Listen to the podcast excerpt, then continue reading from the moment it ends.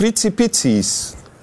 U kijkt naar Winteruur, het enige programma in heel Europa waarin de presentator de kijkers aanspreekt met de woorden Hallo Fritsie Pitsies. Maar ter zake nu. Boris en ik hebben vandaag als gast de actrice Marie Vink. Hallo. Welkom Marie. Ik ga niet opsommen in welke films en tv-series of uh, theatervoorstellingen je al allemaal hebt gespeeld. Dat is goed. Uh, oh, Boris is al weg. Ja, Ja, dat is jammer. ik moet van u niet weten. Ehm, en, want je- Ja. er is eigenlijk iets belangrijkers gebeurd in je leven. Je bent mama geworden. Hè? Ja, dat klopt. Ja. Onlangs. Drie, Eh, vier? bijna zes maanden geleden. al Ah, zes maanden geleden. Ja, ja, Van? Een- Gloria, een meisje. Ja, een echt babytje. Ja. Ja. kaal. Heel schattig. Kaal nog? Ja, nog lang nog kaal, geen denk haar ik. op. Nee, Ah, ah, ja, is- zo'n beetje dansen. Ah, maar- spijtig. Ja, Ja. een beetje spijtig. Ah, ja. En je hebt een tekst bij. Wil je die Ik een voorlezen? bij. Ga ik doen. Wij hebben geen reden tot argwaan jegens onze wereld, want zij is niet tegen ons. Heeft zij verschrikkingen, dan zijn het onze verschrikkingen. Heeft zij afgronden, dan behoren die afgronden aan ons toe. Zijn er gevaren, dan moeten wij proberen ze lief te hebben. En als wij ons leven maar inrichten volgens die stelregel die ons aanraadt altijd voor de moeilijke weg te kiezen, dan zal datgene wat ons nu nog allervreemdst toeschijnt, ons zeer vertrouwd en getrouw worden. Hoe zouden wij die oude mythen kunnen vergeten die aan de wieg van alle volkeren staan? De mythe over draken, die op het allerlaatste ogenblik in een prinses veranderen.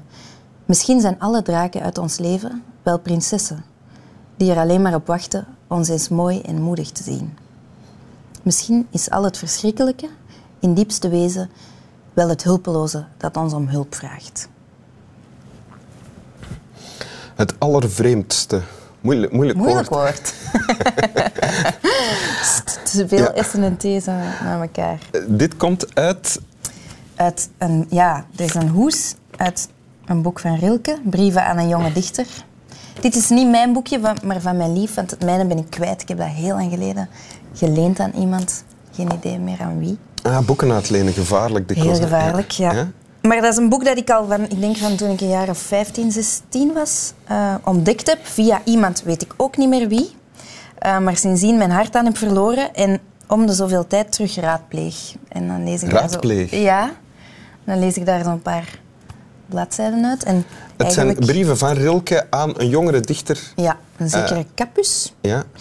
Ehm, dat doet er eigenlijk niet zo toe Nee, in maar hij boek. geeft wel een raad aan die... Ja. Ja. Hij geeft raad over schrijven, maar ook over leven. Ja. En, en eh, elke keer als ik daar terug in kijk, dan vind ik daar nieuwe dingen in. Mhm.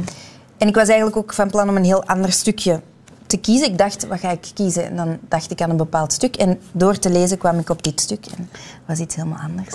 Want wat wordt hier gezegd? Wat wordt hier gezegd? Ehm, ik denk in het heel kort denk ik dat het een, tegelijkertijd een pleidooi voor mildheid is en voor moed. En die combinatie vind ik heel mooi en heel zinvol voor mezelf en voor iedereen, denk ik. Oké, een pleidooi voor mildheid en voor moed, zeg je. Denk ik, ja. Mildheid, het, het begint met wij hebben geen reden tot argwaan jegens onze wereld.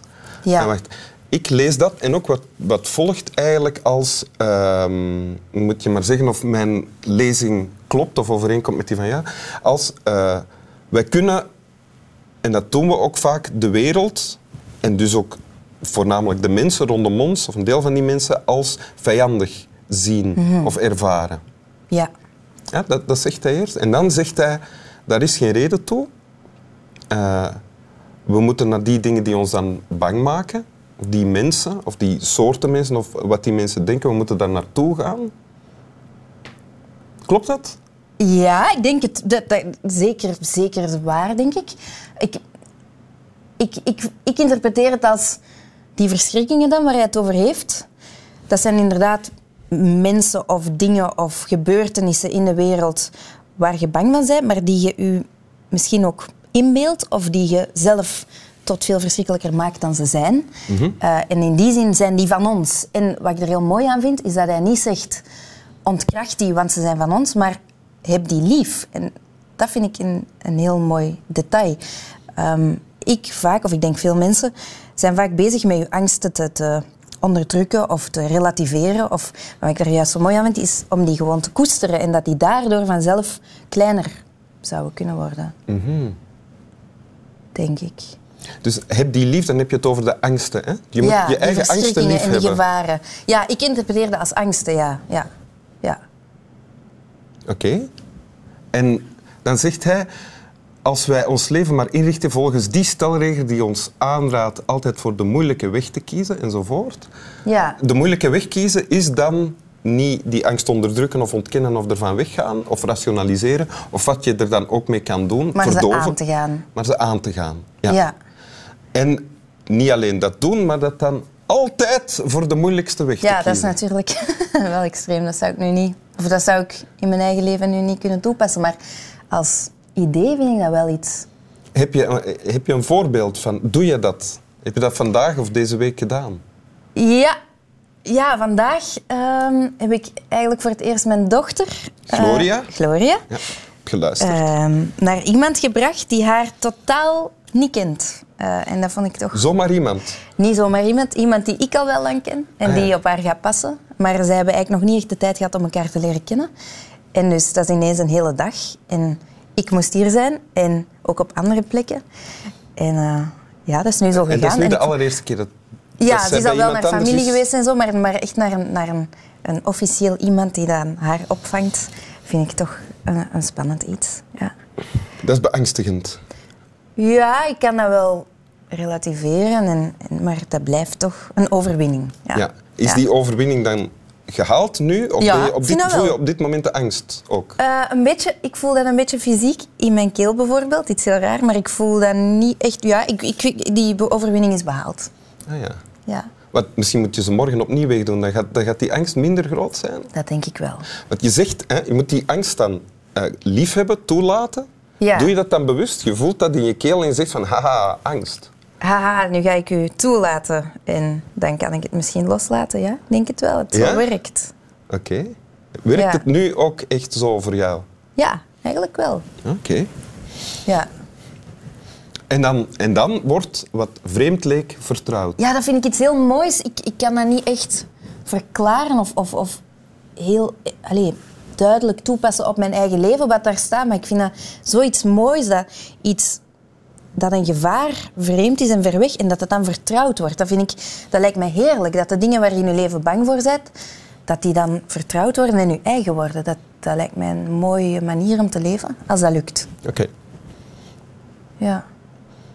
En essentieel, als we onze kinderen willen opvoeden tot eh, volwassen, gezonde mensen, is dat die kinderen moeten, loslaten. ja. En Ja. leren loslaten van in het begin. Ja. Ja, oké, voilà. Eh, pedagogisch. Conclusietje tussendoor, voor de mensen die het no- nodig hebben. Wil je de tekst nog eens voorlezen? Nu al? Oké. ja, nu al, ja. Oké. Wij hebben geen reden tot argwaan jegens onze wereld, want zij is niet tegen ons. Heeft zij verschrikkingen? Ook een moeilijk woord. Dan zijn het onze verschrikkingen. Heeft zij afgronden? Dan behoren die afgronden aan ons toe. Zijn er gevaren?